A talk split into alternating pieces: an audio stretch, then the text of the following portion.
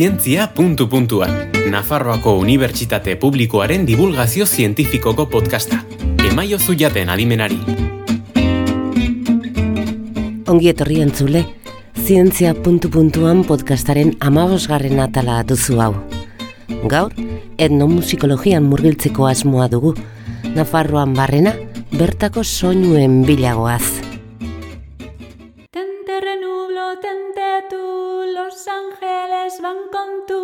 Si eres agua, ven aquí. Si eres piedra, tente allí. Baltzenekien baditugula konjuruak egiteko kantak. Ekaitzak eta kaskara barra usatzeko abestiak,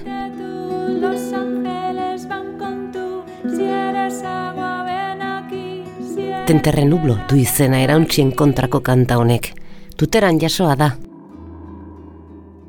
oso abesti tribala, ez? Melodia aldetik bi nota bakarrik dituena eta partituran bertan aipatzen da nola kantatu behar den bardeetara begira. Badirudi dela euria eske, baina eta kaskabarraren kontrako eskaera kanta bat, ez? Oso motza, eta bilu izan nahi dugu ba, joko asko ematen zuelako. Et, bueno, eta gazterera zeren Nafarroan ondare polit bat dagoelako, eta ez ezaguna dena. Igor Saenz abartzuza musikologoaren hitzak ditugu hauek. Gure gaurko gonbidatua Nafarroko Unibertsitate Publikoko irakaslea eta ikerlaria da. Soinu, doinu, erritmo, hitz bilatzailea eta sortzailea dugu.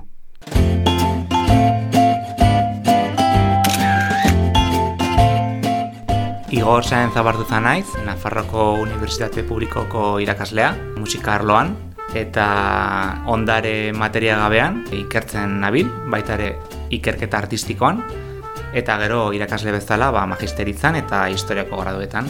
E, ondasun materia gabeari dagokionez, egiten duguna da batez ere Nafarroako musika tradizionala bezala ezagutzen dena hartu, landa lana bat egiten da, eta guk egiten duguna beste ekarpen artistiko bat. Dela abesti hori hartu eta beste bizitza bat eman, estetika bat eman, e, berriro egokitu musika lenguai ezberdin batera eta grabatu. Eta horrela berriro ba, galtzear dauden abesti horiek gizarteratzen ditugu modu batez eta berriro erabiltzeko.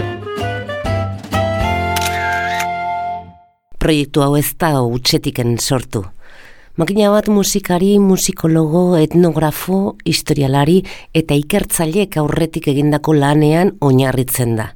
Iturri desberdinetatik informazioa bildu, sailkatu, interpretatu egiten dute. Gure abestien inguruko xehetasunak banan-bana aurkezteko. Ikerketaz gain, enkantu taldea sortu zen urrengo pauso bat emateko. Ikerketa bukatzen denean, bai, abesti bat aurkitu, bilatzen da, nondik datorren, ikertzen da melodia, ikertzen da letra, esan aia, testu ingurua. Bale, ongi, eta guk egin genuena zen, nola egiten dugu berriro gizarteratzeko, berriro ere abelia izateko, ez galtzeko. Ba, egiten duguna da, egokitzapen bat egin. Komposatu, instrumentu ezberdinekin, eta horrekin beste estilo bat eman. Eta galtzear zegoena besti hori, ba, Bizi berritu. hori da, bizi berritu eta e, azkenean badirudi argazki batzuk direla, baina ez dira argazkiak hizkuntza bezala, aldatzen doazte. Orduan, aldatketa horiek gertatzen ez direnean eta gelditzen direnean hor argazki bat bezala, azkenean galdu egiten dira. Orduan, berritu behar dira, gure kasuan enkantu talderekin kontzertuetan, ez, jo egin behar dira, gizarteak ezagutzeko. Orduan, enkantu talde honen funtsa edo izan da, melodia tradizional hau, zegoen bezala mantentzea, aldaketari gabe. Eta hortik aurrera, beste estetika bat eman, beste musika e, estilo bat eman, abesti batzuk beste batzuekin bildu, e, batu, jokuak egin abestiekin, bueno, ba, azken batean etnomusikologiaren munduan revival bat.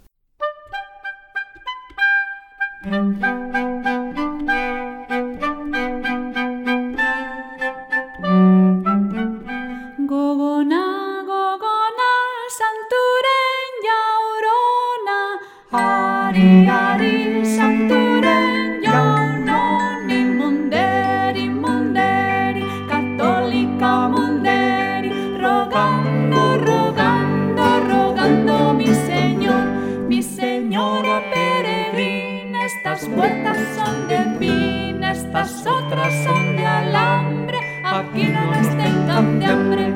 Aquí estamos cuatro y entraremos dos, una limosnica por amor de Dios. Horrelaxe egin duzu egogona kantuan. Oso polita gainera euskera eta gaztelera batera daudenak eta eta eske kantu bat dena. Nola Eh, esaten du? Gogona gogona, santuaren jaunona, eske abesti bat da. Nondik sortua? E, Mengo katedrak bildu zuen, eta diskan gainera egin duguna izan da jarri emakumeak nola kantatzen zuen, eta guk egin dugun egokitzapena.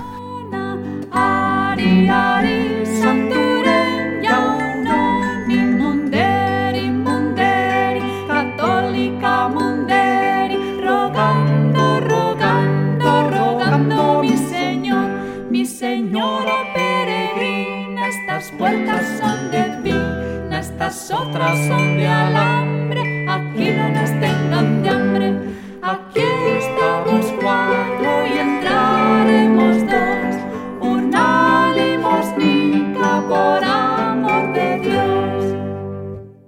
Ondarez materiala, musika eta lurraldearen arteko elkargunean kokatu behar dugu enkantu egitasmoa. Ikerketa artistiko, ezagutzaren transferentzia eta etnomusikologia uztartzen duen proiektua dugu. Duela gutxi arte gure lurraldearen soinu banda izan dena, edo playlista esan beharko genuke. Hori da, azkenean abesti batek informazio asko ematen digu lurralde baten berri. Baita ere bere testu inguruaren berri. Letrak esaten digu ba zintzu ziren haien kezkak edo zerri buruz hitz egiten den, zer nolako ohiturak zituzten, lurraldearekin duten lotura zuzena da, baino baita ere eta behar bada handiagoa bere denborarekin, ez? Eta bere testu inguruarekin eta ohiturekin eta momentu horrekin. Horren adibide dugu erregin eta saratza kantua. Nafarroa aipatzen du letran, Nafarroko erregea ere aipatzen du eta ez dakigu hor egin beharko zen lan bat jakitea benetan nondik datorren abestia, ez? Zen Nafarroko erregea aipatzen duenean ba, behar bada ez da emeretzigarren mendeko aurreko letra bat izan daiteke ez, askoz ere aurrekoa, behar bada amabosgarren, amasigarren mendeko abesti bat. Orduan, hola Salvadorrek badu bere beste bertsio bat, beste letra ezberdin batekin, titulo berdinarekin, eta orduan bildu nahi izan genuen aurkitu genuen bezala. Erregin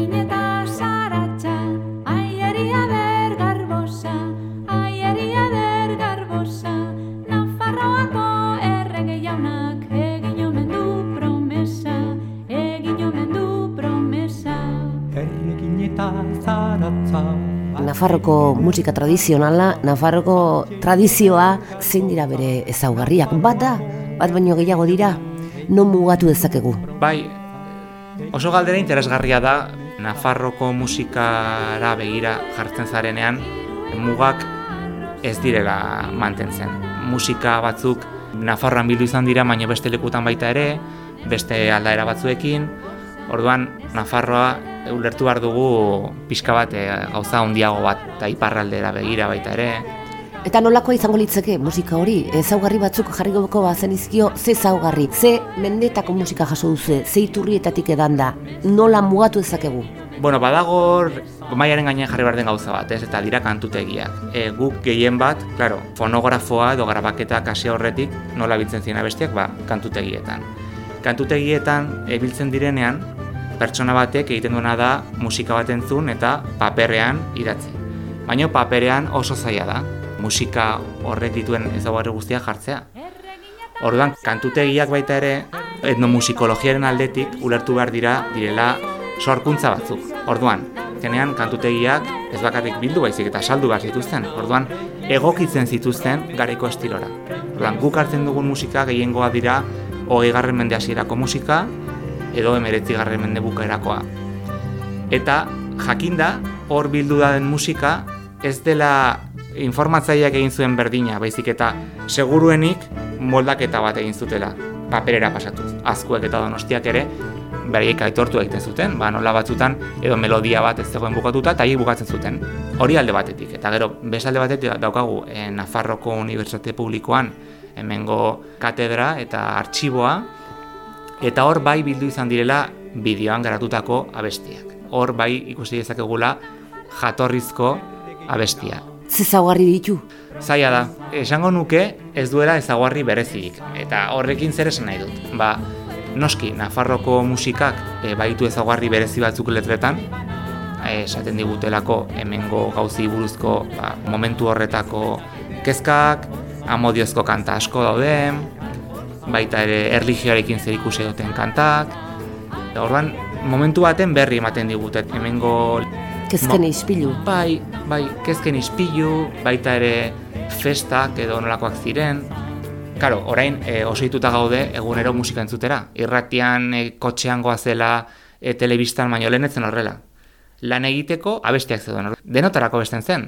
Festetan abesten zen. Jaiotza batean abesten zen, hileta batean abesten zen. Orduan, abesti asko zeuden gauza, eo, eskaera abestiak. Orduan, guk egin dugun izan da pixka bat, leku ezberdinetatik hartu, bai kantutegietatik, bai artxibotik, baita ere zesikek badu e, artxibo oso e, garrantzitsu bat, Bartzelonan, eta hor badago Maria Jenbero dela Nafarroako ikertzaile bat, eta berak ere indu lan bat, biltzeko partiturak eta ma- material asko, eta hortik ere hartu dugu. Egin nahi izan duguna izan da, musika ezberdinak gaztereraz eta euskeraz alde batetik, eta leku ezberdinetatik hartutako e, gauzak erakutsi. Olako erakusketa bat bezala, ez? Ikusteko zen, zenbat aukera dauden, eta ze aberatsa den, eta zenbat lan egiteko dagoen. Hor daude partiturak, hor dago materiala, hor daude abestiak, ez?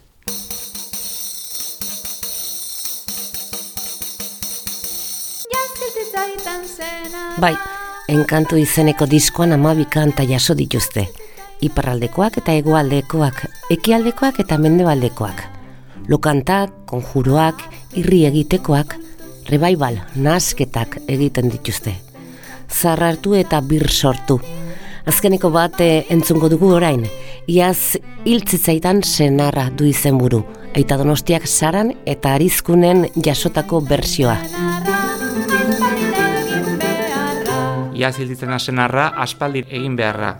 Orduan, hor esaten du nola, zenbat gogo zituen hitzeko senarra, humorezko abesti bat da, baina bai izaten digula gizarte baten berri. Eta joku bat egiten du, nola zegoen zartuta eta ez zuen balio lauzorria aipatzen du.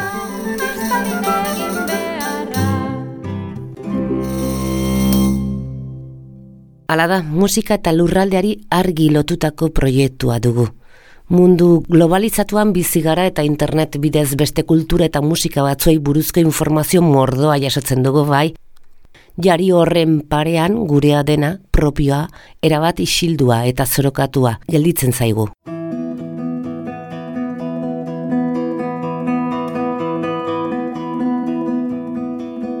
Baratzeko pikuak irutxurten ditu Dantxan dabilen horrek hankakarin ditu Horregatik, galera horren inguruan hausnarketa piztea eta gure kanten ezaugarriak eta esanaiak ulertzea da artista ikerlari hauen helburua. Baina ez bakarrik.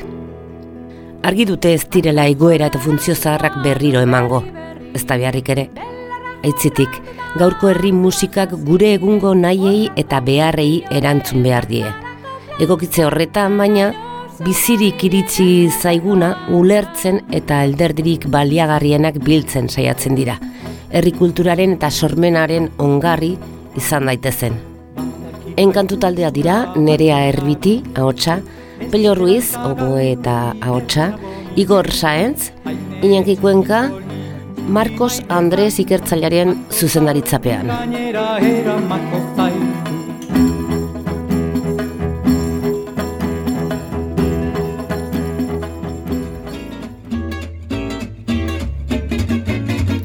Esker milanitz, urrengor arte, ongizan. Zientzia puntu puntuan entzun duzu. Nafarroako Unibertsitate Publikoaren podcasta. Gozatu zientziaz.